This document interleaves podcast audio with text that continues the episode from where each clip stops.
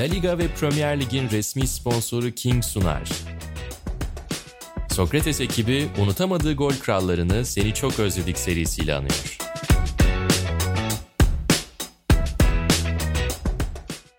Seni çok özlediğin yeni bölümüyle karşınızdayız. Premier Lig'e devam ediyoruz. Premier Lig'de özlediğimiz adamları anmaya devam ediyoruz. Emre Özcan'la birlikte. Emre Özcan hoş geldin. Hoş bulduk, merhabalar. 2000'lerin ortasından yavaş yavaş artık 2010'ların başına doğru geliyoruz. O dönemde hani hem dünya futbolunu hem de Premier Ligi dağıtan bir adama gideceğiz. Cristiano Ronaldo'ya gideceğiz. Cristiano Ronaldo'nun hem Premier Lig dönemi hem de baktığımızda işte e, Manchester United dönemi biraz böyle hani uzaklarımızda kaldı. E, hatırlamak birçok kişi için zor olabiliyor ama hani e, insanlar o dönemi izlediklerinde de Cristiano Ronaldo'nun sen ondan mutlaka bahsedersin ben eminim. Eski halini çok net bir şekilde görebiliyorlar. Bir eski hal yeni hal durumundan bir yerde bahsedersin diye düşünüyorum ki herhalde Cristiano Ronaldo'nun ilk tırmanış yaptığı dönem o eski halinin zirve dönemi de 2007-2008 sezonu. Kesinlikle çok doğru. Ben de benzer düşüncedeyim seninle. Çünkü gerçekten yani United'a dair daha doğrusu Ronaldo'nun United kariyerine dair mesela görüntüler arada ekrana geliyor işte eskilerden. Premier yayıncısında oluyor ya da işte YouTube'da falan denk gelebiliyorsun. Oradaki Ronaldo gerçekten yani sahadaki hareketleri, mobilitesi, işte topla beraber driplingleri vesaire farklı bir şey gösteriyor. Farklı bir şey hissettiriyor sana. bunu iyi ya da kötü anlamda söylemiyorum karşılaştırma anlamında ama gerçekten oyuncudaki değişimin ne kadar büyük olduğunu da aslında görebilmeni sağlayan bir dönem United dönemi oyuncunun ve bu kariyerinin gelişim açısından da son derece belirleyici noktalardan biri bence de baktığımızda işte yani Sporting kariyeri diye aslında neredeyse bir şey yok. Bir sezon oynadığı bir dönem ve hemen sonra işte Sir Alex Ferguson'un bunu alın dediği bir çocuk ve ilk geldiğinde bizim bahsedeceğimiz sezona gelene kadar işte gol sayıları çok yüksek olmayan, driplingci, çok yetenekli, dur bakalım nasıl bir şey olacak benzeri konuşulan bir oyuncu. Fakat 2007-2008 sezonu ve öncesindeki 2006-2007 sezonunda gol atmayı, bitirmeyi ve aynı zamanda skorer olmayı öğrenmiş bir oyuncudan bahsediyoruz. Ve 2007-2008 2008 sezonuna baktığımızda işte 34 maç, 31 gol, sezon sonunda 49 maçta 42 gol ve baktığımızda yine e, Manchester United'ın şampiyonluğa giden o sezon ki Chelsea'nin 2 puan önünde şampiyon olan 80 gol atan Manchester United'ın zirvesinde gol kralı olarak yer aldı Cristiano Ronaldo. Herhalde o geçiş artık 2006-2007 ve o geçişle beraber bizim bahsettiğimiz 2007-2008 sezonu tam bu skorer Ronaldo'ya geçişin e, artık iyice belirlendiği dönem değil mi? Evet e, kesinlikle öyle ama abi oralara geçmeden önce sen çok güzel bahsettin yani Sporting dönemi ortada çok fazla bir şey yok. Yani Sporting'de galiba bir sezonu vardı. Ee, evet böyle bir sezonu. Yani bir B takım var. Yarım sezon sonra A takıma çıkıyor. Aynen A takıma çıkıyor. Onun geliş hikayesini hatırlıyor musun? Yani şey Ronaldo'nun şey United'a geliş hikayesini. 2003 yazı. Dostluk maçı, dostluk maçında şeye karşı Manchester United'a karşı evet. acayip şeyler yapıyor falan filan. Aynen. Şimdi böyle bir hikaye var Ronaldo ile alakalı. Yaz döneminde gerçekten 2003 yazında Sporting ile United karşı karşıya geliyor ve o maçta harikalar yaratıyor Cristiano Ronaldo. Ve o maçtan işte birkaç hafta sonrasında ya da işte maksimum bir ay içerisinde transferde açıklanıyor ve herkes işte Sporting ile bir hazırlık maçı yapıldı. Ronaldo'yu gördü United, Sir Alex Ferguson'a aşık oldular ve transfer ettiler şeklinde yansıtıyor. Böyle yansıtan ve böyle düşünen hala çok insan var. Ama aslında öyle değil abi tam olarak. Yani çok öncesinden United'ın Ronaldo'ya ilgisi var. Çok öncesinden Sporting'le görüşmeleri var. Belki o maç kafalarında netleştirme noktasında bir artı atmış ya da bir tik atmış olabilir United cephesinde transfer için ama zaten o maçtan çok bağımsız bir şekilde o transferin biteceği Alex Ferguson tarafından yanlış hatırlamıyorsam otobiyografisinde bununla alakalı bir paragraf vardı ya da başka bir yerde bir röportajında söylüyordu. Öyle bir gerçek var. Yani aslında o maçta o hazırlık maçıyla işin çok fazla ilgisi yok. Belki yani %5, %10 tamamen garanti altına alan performans olabilir. Ama çok daha öncesinden Ronaldo suflesini alıyor aslında United ve Alex Ferguson. Ve dediğim gibi o maçtan çok daha önceden de görüşmeye başlıyorlar. Hem oyuncuyla hem de kulüple. Onu eklemek istedim. Ya Ronaldo işte Manchester United'a geldikten sonra hani zirve dönemine 2007-2008'de ulaştı diyoruz. O takım da zaten hani Sir Alex Ferguson'un birçok belki inanılmaz sezonu vardır. Birçok konuşulacak sezonu vardır. Yine konuşulacak sezonlardan bir tanesi baktığımızda. Evet hani işte 4'te 4 yapmıyor. işte domestik üçlemeyi yapmıyor vesaire belki ama baktığımızda kimsenin belki de unutmayacağı o Şampiyonlar Ligi performansı da var. İşte Chelsea'ye karşı penaltılarla kazanılan Ronaldo'nun orada da gol attığı falan. Evet. Ve Sir Alex Ferguson'un belki de hani ben bunu aldım, yetiştirdim, bu hale getirdim ve bu da bana sonunda böyle bir sezon geçirtti diyebileceği, gururla bakabileceği bir oyuncuya dönüştü herhalde değil mi Ronaldo? Kesin dönüştü. Yani çok özel bir sezon gerçekten. Gerek Şampiyonlar Ligi ile o mu- muhteşem sezonu taçlandırması, gerek işte ligi kazanmışlar mıydı abi o sezon? Ligi de kazanıyorlar. 7-8'de. Evet. Tabii tabii. Ligi 2 kazanıyorlar. puan farkla Tamam, e, aynen. 87 puanla şampiyon. E, artı 58 averaj inanılmaz bir şey. Acayip bir şey ve yani şimdi bakınca o döneme Ronaldo'nun yanında ne görüyorsun abi? 31 gol ve işte 7-8 asist sezonda. 7, asisti var. 7 asistim var tamam. Çok etkileyici bir şey değil gibi geliyor şu anda. Ama abi o bence istatistiki anlamda da bizi sonrasında işte 2010, 2011, 2012, 2013'te göreceğimiz şeyleri aslında hazırlayan bir sezon. Ben çok güzel olduğunu düşünüyorum o bireysel performansını. Çünkü ondan önce yani zaten 2000'lerin başında 2002-2003 civarlarında 30 gol atmak bile bir santrfor için çok kolay bir şey değil. La Liga'da da böyle, İtalya Serie A'da zaten çok zor bir şey bu. Premier Lig keza benzer şekilde çok fazla göremiyorsun abi 30 üstünü. Görürsen de böyle istisnai performanslar ve 9 numara performansları. İlk kez 2007-2008 itibarıyla bir kenar oyuncusundan bir ligde ki Premier Lig o o dönemin gerçekten zirve ligiydi. La Liga'nın falan çok önündeydi. 2007, 2008 işte 2000'lerin ortası daha doğrusu itibarıyla.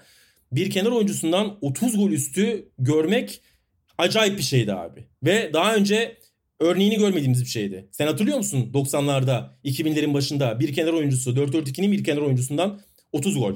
Yok imkansız. İmkansız. Yani neredeyse imkansız. Evet abi ve yani bunu aslında futbol dünyasının kanıtlarını ilk bırakan oyuncu Ronaldo. Ki daha Messi 2007-2008 itibarıyla evet etki yaratmaya başlamıştı kesinlikle. İyi bir oyuncu haline gelmişti. Çünkü zaten 2005-2006 ile beraber o biliyorsun işte daha önce de konuştuk. Rijkaard'ın Barcelona'yı şampiyon yapan takımında yavaş yavaş rol almaya başlıyor. Ondan bir sezon sonra tamamen direksiyona geçiyor. İlk 11'in değişmez oyuncularından biri olmaya başlıyor ama 2007-2008 henüz e, Messi'nin de böyle 20'li 25'li golleri bulabildiği sezonlar değil. O onun için 200 sezon daha beklemek durumunda. 2009-2010 civarı gidebiliyor 30 civarına.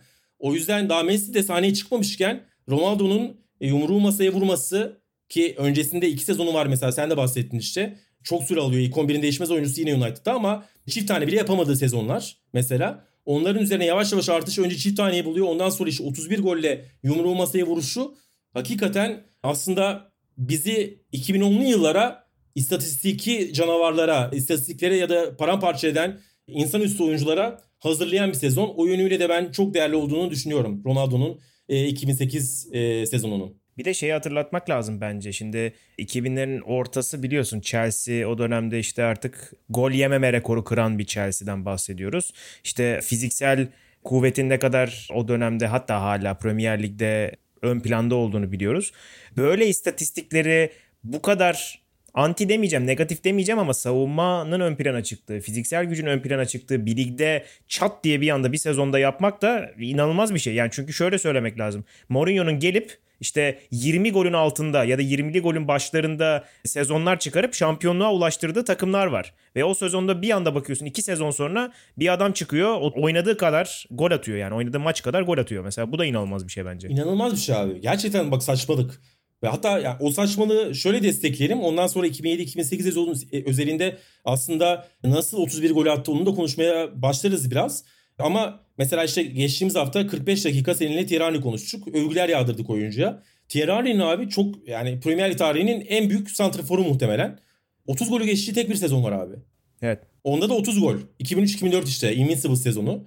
Onun dışında hep 20'lerde kalmış. İşte 24-20'si var. İnanılmaz bir şey. Onu da konuştuk zaten ama yani Premier Lig tarihinin en iyi santrforunun bile 30 üstüne sadece bir kez çıkabildiği bir dönemden bahsediyoruz dünya futbolunda ve Premier Lig'de. Onu bir kenar oyuncusu olarak yapmak gerçekten saçmalık abi.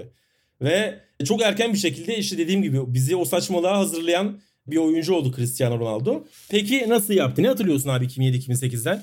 Abi ben mesela 2007-2008'den daha çok Şampiyonlar Ligi dönemini hatırlıyorum. Özellikle e, Şampiyonlar Ligi hani dramatik de bitmişti ya. Biraz oradan hatırlıyorum. Ve daha da önemlisi ben şundan hatırlıyorum abi. Ronaldo'nun kaleyi gördüğü anda işte arkası dönük orta sahada topu aldıktan sonra vurduğu toplar ya da işte ne bileyim frikikler, inanılmaz frikikler ki şu anda mesela çok eleştiriliyor. Bırak artık kardeşim frikikleri şeklinde.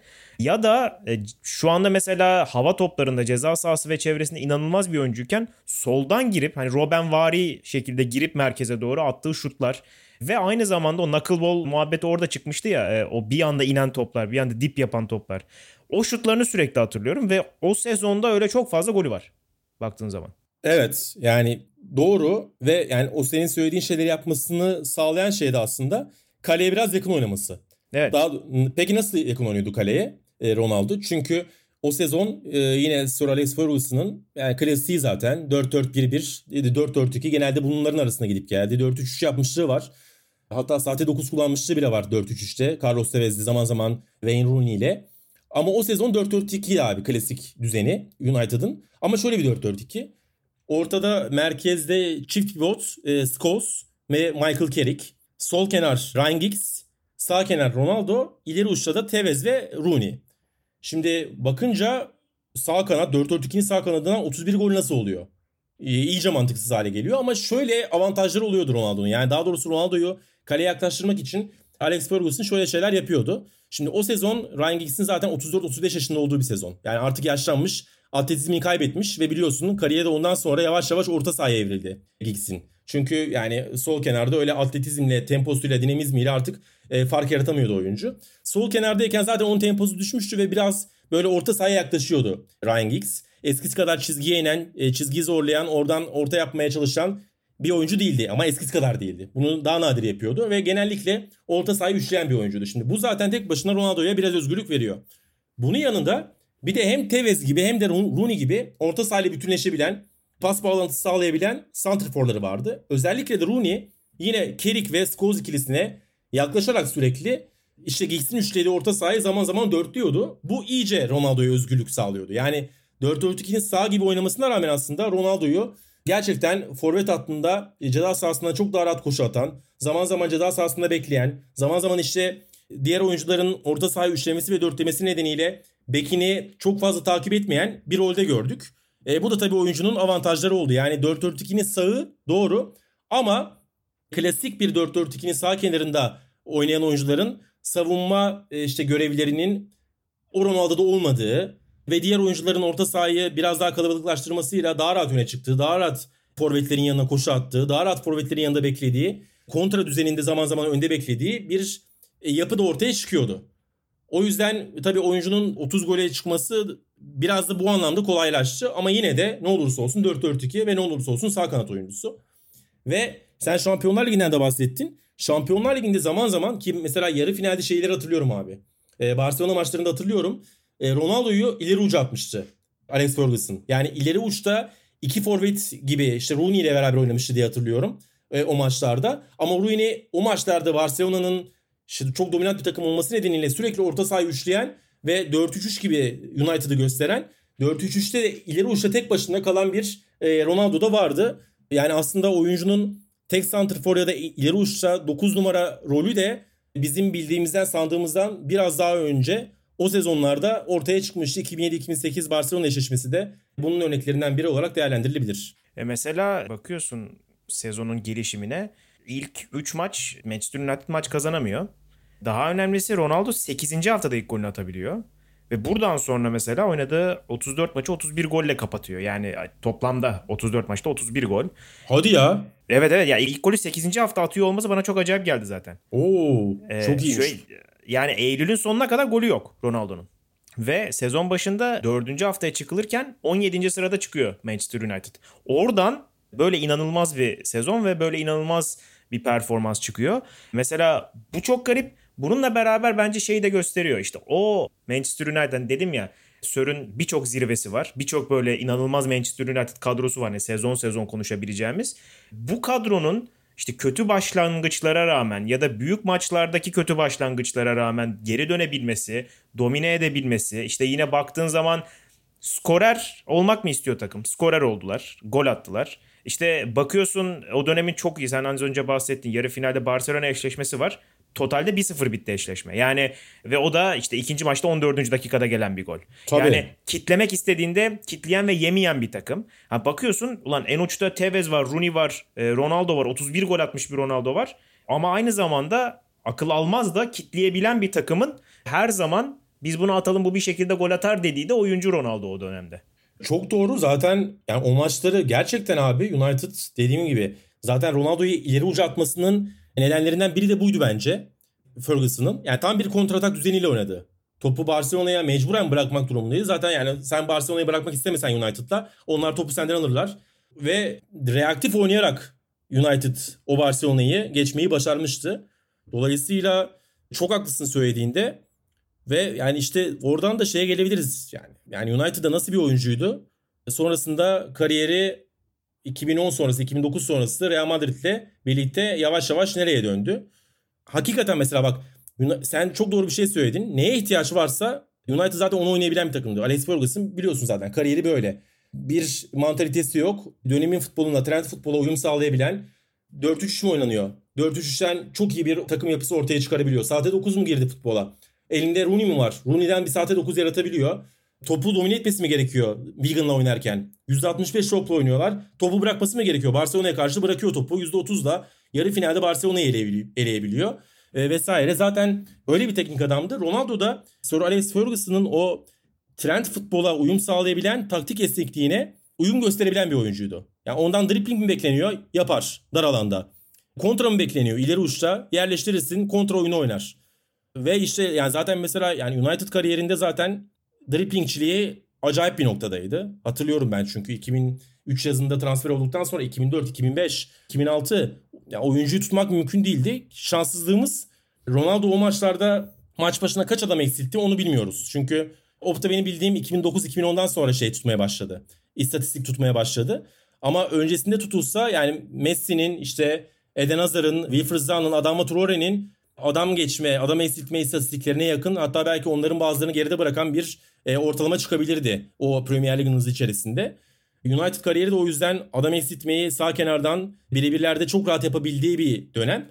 Ama ondan sonra Real Madrid'e transfer olduktan sonra gerek oyuncu işte kaleye biraz daha yaklaştırılması, gerek gol sayısını biraz daha maksimize edebilmesi, gerek kuvvetini arttırmak için yaptığı özel çalışmalar, kalınlaşması, kas eklemesi hem esnekliğini biraz kaybetmesine hem de dolayısıyla toplu hareketlerinin de toplu oyunun da biraz geriye gitmesine neden oldu. Ama bunu hep söylüyorum. Yani bu dezavantaj olarak söylemiyorum bunu. E, eksik olarak söylemiyorum. Başka yerlerini yukarı çıkarmak için, kendisini daha iyi korumak için, fiziğini daha sağlam tutmak için belki işte şu anda 35 yaşında Serie A'da 30 gol sayılarına çıkmak için belki buna ihtiyacı vardı. Bunu yapması gerekiyordu. Ne yapması gerekiyorsa onu yaptı. Ama o da biraz oyun güzelliğinden tabii götürdü. Mesela iki yanı var bunun. Onları soracağım sana. Bu Sir Alex Ferguson'un taktiksel adaptasyon kabiliyeti sence Ronaldo'ya hani kişisel adaptasyon kabiliyetini öğretmiş midir mesela? Ee, onunla çalışmak çünkü birçok oyuncuyu çok değiştirdi ve çok fazla etki etti. İkinci soruda şeye sorabilirim mesela. Şimdi bu sayı işte 49 maç 42 gol 31 golle gol kralı olma o adaptasyon sonrasında dönüşüm sonrasında çok kabul edilebilir bir şey. Ceza sahası oyuncusu işte şu anda belki de dünyanın en iyi hava topu adamlarından bir tanesi vesaire ve bundan önce mesela o golleri atabilmiş olması bu sayıya ulaşabilmiş olması çok daha akıl almaz kılıyor her şeyi herhalde. %100 öyle ee, ama yani ben sana sen ne düşünüyorsun? Sence Alex Ferguson'a o anlamda katkısı olmuş mudur? Abi bence olmuştur çünkü şundan dolayı. Şimdi Alex Ferguson'a baktığında Alex Ferguson'ın kullanabildiği oyuncular var. Ya yani sadece mesela Alex Ferguson'ın kullanabildiği oyuncular. Bence mesela Hı-hı. Smalling onlardan bir tanesi. Smalling Alex Ferguson varken nasıldı? Şu anda nasıl? Dalga bile geçiliyor.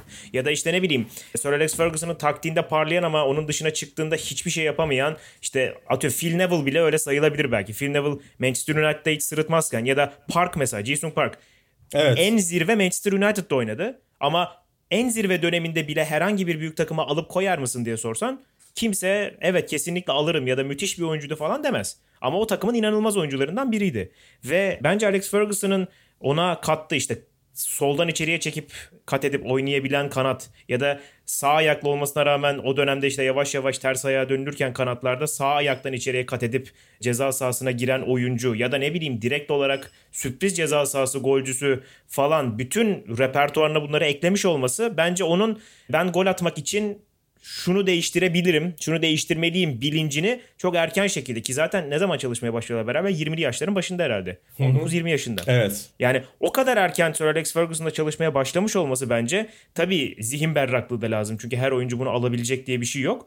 Bence bütün katkısını Sir Alex Ferguson'dan alıp kariyerine de yaymış durumda Ronaldo. Tamamen katılıyorum abi. Ben de birebir aynı düşüncedeyim. Zaten yani bunu kendisi de söylüyor Ronaldo'nun. Yani ben çok şanslıydım. Sir Alex Ferguson'la Premier Lig'de 5-6 sezon, 5-6 yıl beraber geçirme şansını elde ettim.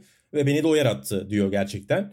Dolayısıyla mesela Alex Ferguson'ın taktiksel anlamda hep söylüyorum ben en iyilerden biri değildi. Dünya futbol tarihinin taktiksel yönden en iyi 10, 15, 20 hocasından biri olarak sayılmayacak bence. Ama mükemmel bir bu kalemin abi. Yani adaptasyon e, zirveydi. Zaten adaptasyon zirve olduğu için çeyrek asır boyunca e, muhtemelen futbolda hüküm sürebildi. Başka türlü mümkün değil abi zaten.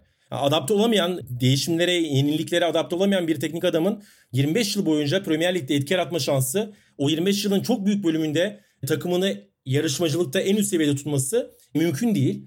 Ve çok zeki bir teknik adamdı. Şimdi Ronaldo'daki aslında 2007-2008'e giden 30 gol işte 31 gollük sezonda da ya da performansta da o adaptasyon yeteneğinin bence çok büyük payı var. Ve Ronaldo'yu da bence ona göre hazırladı. Şimdi abi 2003 yazında transfer oluyor değil mi Ronaldo United'a? 2003-2004'ü evet. dışarıda bırakalım. O çünkü yani orada da direkt bir şekilde etki yaratmıştı ama böyle net bir şekilde ilk 11'in değişmez oyuncusu olmaya başlaması 2004 ile beraber diye hatırlıyorum ben. İyice süreleri arttı. Şimdi 2004, 2005 ve 2005, 2006. İkisinde de çift tane yapamadı değil mi Ronaldo? Ee, evet aynen ikisinde de yok. Yani şey totalde var da ligde yok. Sence neden abi? Var mı? Herhangi bir tahminin var mı? Ya bunun iki tane olabilir benim aklıma gelen. Bir adaptasyon sürecinin henüz ya daha doğrusu ondan istenen şeyi tam olarak başaramıyor olması. İkincisi de Hı-hı. şey değil. Ona uyan ya da onu ön plana çıkaran bir yapının olmayışı. Oyunculardan ha, dolayı. evet. Bence de ikisi de muhtemelen faktör ama ikincisi daha büyük faktör bence.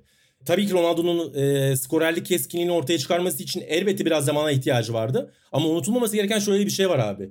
2004, 2005, 2005, 2006 hatta 2003, 2004 kim var abi ileri ucunda United'ın?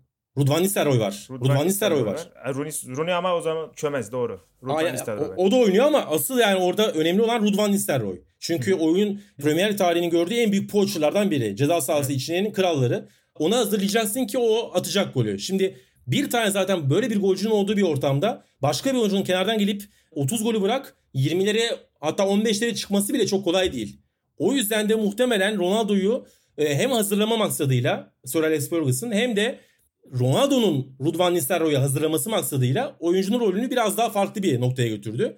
Hakikaten bir çizgi oyuncusu gibi böyle topla beraber dribbling yapan, 2-3 adam geçen, çizgi enen, orta yapan ki o şekilde Rudvan Nistelrooy'a çok gol attırmıştır Ronaldo. Bir oyuncuyken Rudvan Nistelrooy'un denklemden çıkmaya başlaması, denkleme e, Carlos Tevez'in girmesi, Rooney'nin biraz daha oyun profilini değiştirmesi ile birlikte başka bir yapı ortaya çıktı ve şimdi Tevez Rudvan Nistelrooy gibi sezonda 30 gol atabilecek bir oyuncu çok fazla değil. Yani golcüydü ama öyle sürekli 30-30 bekleyeceğim bir oyuncu değil. Ki Rooney keza öyle. O oyuncuların farklı profiliyle beraber zaten United'ın da Ronaldo'dan daha fazla gol talep etme noktası ortaya çıktı. Ama tabii oyuncunun acayip yeteneği ve e, işte Premier Ligi 200 senesinde tanıması, kendisini ona göre hazırlaması, atletizmini biraz daha yukarı çıkarmasıyla beraber ortaya biraz beklentilerin ötesinde istisnai kanattan 31 gollük e, acayip bir şey çıktı. O da tamamen oyuncunun yeteneği ama United'daki ortam ondan beklenenler e, takımın ondan beklediği belki onun takımdan beklediği şeyler de zaten biraz o doğan süreci beraberine getirdi. Bu inanılmaz adamı herhalde şöyle kapatmak lazım. İlk Şampiyonlar Ligi şampiyonluğunu kazandığı sezon. E, aynı zamanda Lig ve Şampiyonlar Ligi dublesi yaptığı sezon. Bununla beraber 2008 yılında yani o sezonun sonunda hem Dünyada Yılın Oyuncusu seçildi hem Ballon d'Or aldı. Aynı zamanda UEFA'da Şampiyonlar Ligi'nde yılın oyuncusu seçildi ve aynı zamanda da altın ayakkabıyı almayı başardı. Yeni programda Cristiano Ronaldo'yu konuştuk özlediğimiz Premier Lig dönemini konuştuk. Hala e, neyse ki izlemeye devam edebiliyoruz kendisini. Daha da izleyeceğiz herhalde böyle devam ederse. Ama Premier Lig dönemini özellikle de 2007-2008 sezonunu konuştuk. Emre Özcan'la birlikte La Liga ve Premier Lig'in e, resmi sponsoru King'in sunduğu Seni Çok Özledik'te Cristiano Ronaldo'lu bölümün sonuna geldik. Haftaya görüşürüz. Hoşçakalın. Hoşçakalın.